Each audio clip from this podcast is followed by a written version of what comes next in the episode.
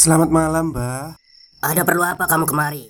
Eh, saya pengen punya podcast, Mbak. Biar pacar saya makin cinta sama saya. Loh, loh, loh.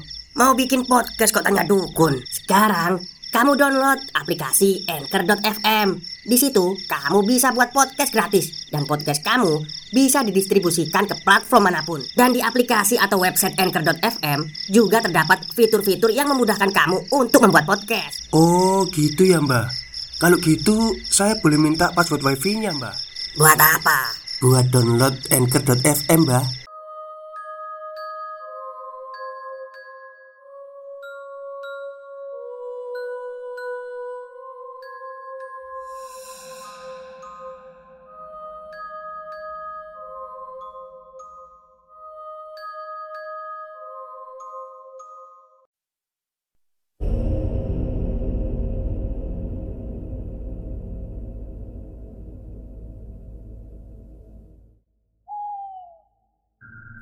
Assalamualaikum warahmatullahi wabarakatuh. Halo semuanya Jumpa lagi dengan saya Chow Sing Sing Kurator dari podcast Horror Night Story.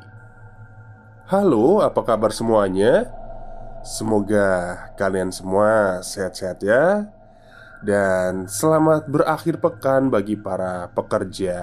Semoga akhir pekan ini menyenangkan dan berbahagia.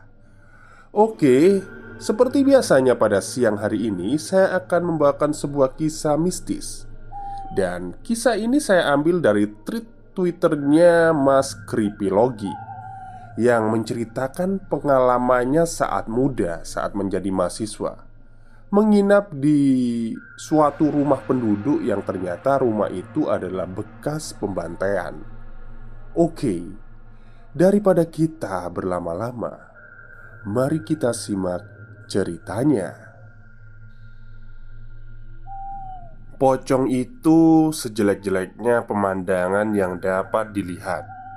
Saya ulangi, bukan saja seram, tapi sangat jelek.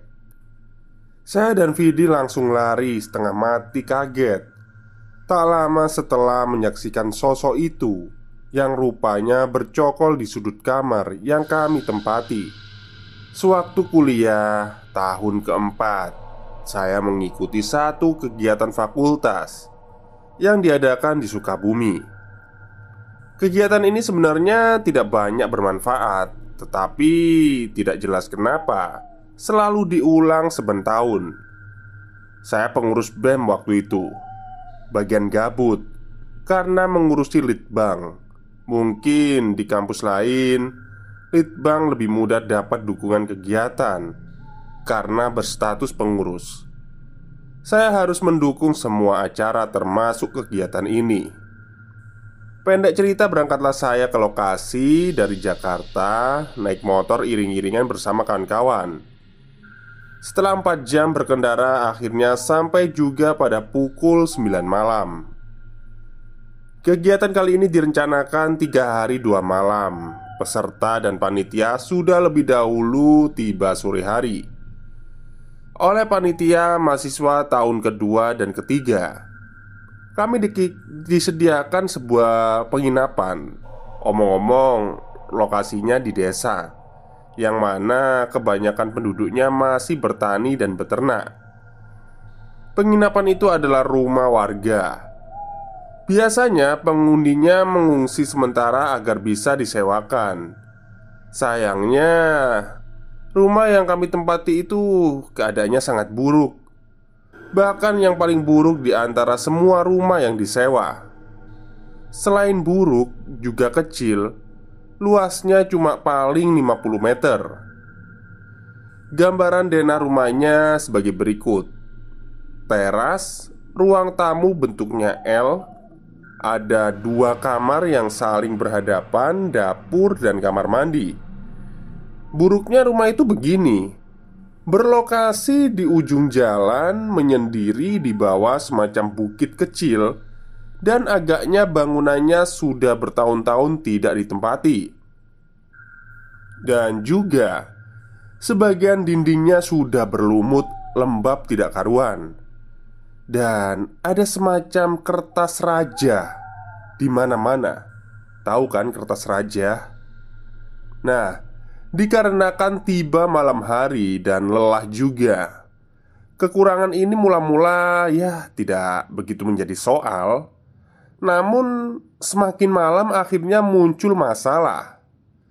Rumah ini tidak cukup menampung orang yang berjumlah 30-an ternyata. Yang lebih menyusahkan lagi Ada satu kamar yang tidak boleh sekalipun dimasuki Tentu masalah ini harus dicari jalan keluarnya. Maka panitia dipanggil untuk mencari solusi. Tapi ternyata tidak ada solusi. Kalau mau Coba saja ketuk rumah penduduk satu persatu. Barangkali ada yang mau memberi tumpangan.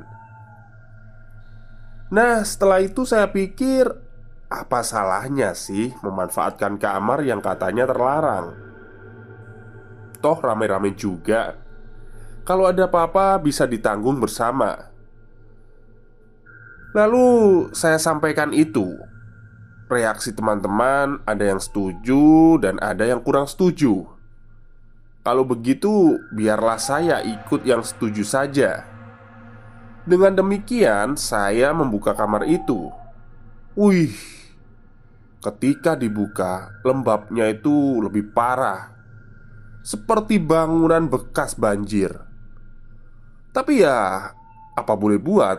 Coba saja dahulu. Kamar ini tidak berlampu dan tidak ada isinya, kecuali ada selembar kasur kapuk yang sudah disprei. Rupa-rupanya di kamar ini sudah dijejali Kak Raja yang banyak sekali di atas pintu, tembok, bahkan langit-langit. Raja itu semacam jimat ya. Oke. Karena penasaran saya pun memeriksa dengan senter. Bentuknya macam-macam rajahnya itu. Dari yang model piramida Obat nyamuk bakar Sampai ada yang mirip permainan sudoku. Oh Ini Raja Azima seperti di kitab Syamsul Ma'arif dan Mujaroba. Cuma dengan pegon Sunda saya cuma tahu sedikit kalau ada raja di tembok. Berarti itu untuk meminta atau menolak. Namun, lantaran rumah ini kemungkinan sudah lama tidak dihuni, barangkali saja untuk menangkal. Dengan kata lain, mungkin saja pernah terjadi sesuatu peristiwa paranormal di rumah ini. Ya, apa pun itu, niat saya tidak berubah. Mula-mula ada 6-7 orang yang masuk ke dalam untuk beristirahat. Tapi kok lama-lama berkurang satu persatu? Kata mereka, kamar ini lebih tidak nyaman daripada tidur desak-desakan. Ya sudahlah, malah tambah lega dong. Belakangan yang tersisa tinggal dua Saya sama teman saya Vidi. Nah, Kawan saya satu ini menggandrungi paranormal. Saat mata mulai keliap-keliap, dia malah memancing obrolan-obrolan seputar gaib. Sementara teman-teman kami yang lainnya sudah terlelap. Rin, apa nggak tidur di luar aja? Kamar ini hawanya nggak enak banget.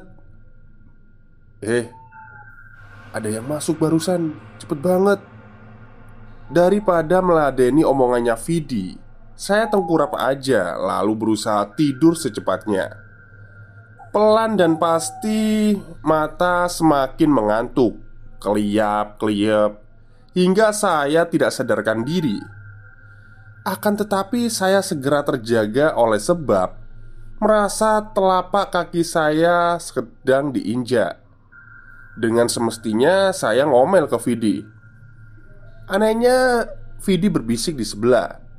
Suaranya agak gemetaran. Sumpah bukan aku, Rin. Secepatnya saya berpaling menengok anak itu. Wajahnya ditutup jaket, tangannya bergerak gelisah. "Eh, ada apa?" "Itu, itu dari tadi. Aduh, jangan dilihat." Jarinya nunjuk-nunjuk ke arah tembok Alih-alih menuruti ucapannya, saya malah membalikan badan lantaran penasaran. Bebarengan dengan itu, kaki saya tidak lagi merasa diinjak. Namun sebagian sebagai ganti, saya melihat ada wujud mayat di kafani alias pocong. Mojok berdiri di sudut kamar. Nah, pocong itu unik saudara-saudara. Sensasional levelnya jelas berbeda dibanding penampakan jin dalam wujud lain. Dulu saya sering melihat jin dalam beragam bentuk, tapi wujud pocong ini, ya ampun, benar-benar spesial pokoknya. Itu bukan pocong pertama yang pernah saya jumpai, tapi setiap kali melihat pocong rasanya selalu seperti pengalaman pertama. Ada semacam kengerian jijik, dorongan histeris, juga refleksi terhadap diri sendiri. Perasaan yang terakhir itu juga saya tidak bohong. Refleksi melihat pocong membuat pikiran ini menghayalkan suatu keadaan yang bakal pasti terjadi setelah tidak lagi hidup. Oh, mungkin aku akan sejelek ini kalau sudah mati nanti, dan justru Refleksi inilah yang paling menakutkan. Bayangkan ini, saudara-saudara: buah matang dari pohon jatuh ke tanah, membusuk lalu mengering. Nah, pocong seperti itu, kering juga busuk. Pocong itu sejelek-jeleknya pemandangan yang dapat saya lihat. Saya ulangi, bukan saja seram, tetapi sangat jelek. Saya dan Vidi langsung lari setengah mati kaget. Tak lama setelah saya menyaksikan sosok itu Yang rupanya bercokol di sudut kamar yang kami tempati. Gara-gara saya, semua orang jadi terbangun. Lalu ngomel-ngomel. Rupanya benar Kamar itu tidak main-main. Segera Vidi menutup kamar itu Dan menutup dan menarik saya keluar. Di teras saya termenung Wiritan saja rasanya berat. Kemudian saya mengerti Masalah ini belum selesai. Tengkuk saya dengan cepat terasa hangat Bukan main, bukan berat. Juga Pengamatan mulai tidak fokus. Stop, stop. Kita break sebentar. Jadi gimana? Kalian pengen punya podcast seperti saya? Jangan pakai dukun pakai Anchor. Download sekarang juga. Gratis. Boleh percaya atau sebaliknya, ketika jin berusaha mempengaruhi pikiran manusia, sebenarnya kita bisa merasakan tandanya. Jika bisa dirasakan, berarti dapat dicegah. Caranya kembali kepada metode setiap kepercayaan orang-orang masing-masing. Yang pasti, saya tidak mau kerasukan dong. Sebab dampaknya setelah itu bisa jadi dalam jangka panjang. Vidi juga tahu apa yang sedang menimpa saya. Karenanya saat dia buru-buru mengajak pergi dari rumah itu Di jalan dia bertanya pada panitia kegiatan di mana masjid atau musola terdekat Oke lah, akhirnya kita pergi ke musola Sampai di sana, saya ambil air wudhu lalu mengerjakan sholat dua rakaat. Setelah itu bersyukur karena ya udahlah merasakan hal yang lebih baik di sini. Esok lusa, siang sebelum balik ke Jakarta, saya mampir di warung kecil untuk pesen kopi. Lalu, Vidi mengisahkan kepada pemilik warung itu perihal yang terjadi dua malam lalu. Nah, kata empunya warung, memang rumah itu sudah sekitar tujuh tahun ditinggal penghuninya. Dulunya ditempati satu keluarga, beranggotakan enam orang. Sang kepala keluarga suatu hari menderita sakit aneh, dan orang-orang akhirnya tahu kalau itu adalah teluh. Lelaki itu belakangan tidak pernah sembuh, dan ternyata itu belum selesai. Beberapa waktu setelah kematian itu, ibunya yang tinggal bersama di rumah itu juga dikirimi teluh. Sakitnya lebih aneh. Terkadang mengamuk dengan menyakiti diri sendiri dan merobek kulitnya sendiri. Kalau kulitnya robek, terkadang keluar koin 25 rupiah atau sekam. Tetapi seringnya robek begitu saja hanya berdarah seperti disayat silet dan wanita tua itu akhirnya juga mati di sana. Dari saran seorang paranormal di Cigombong, akhirnya anggota keluarga yang tersisa meninggalkan rumah itu. Alhasil, rumah itu dibiarkan kosong begitu saja. Anggota keluarganya juga dilarang menginjakkan kaki di rumah itu selamanya. Vidi pun kembali bertanya, "Lalu, buat apa raja-raja itu?" Agaknya pencerita merasa tidak enak ya, kecuali karena sudah terlanjur bicara banyak. Ia mengatakan bahwa itu dipasang atas persetujuan penduduk desa. Jika ada yang butuh menginap, entah itu mahasiswa, tamu rombongan bisa ditempatkan di situ. Katanya lagi, memang rumah itu angker kalau hari biasa. Tidak ada yang mau ke situ, lagi pula buat apa? Lokasinya aja udah mentok. Tidak ada jalan lagi kecuali semak dan pohon belukar. Yang punya cerita paranormal berkaitan teluh, silakan replay ya. Terima kasih dan selesai.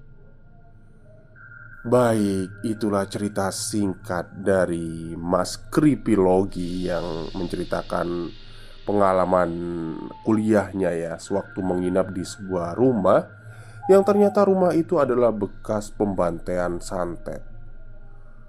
Wih, serem juga. Oke, mungkin itu saja cerita untuk siang hari ini.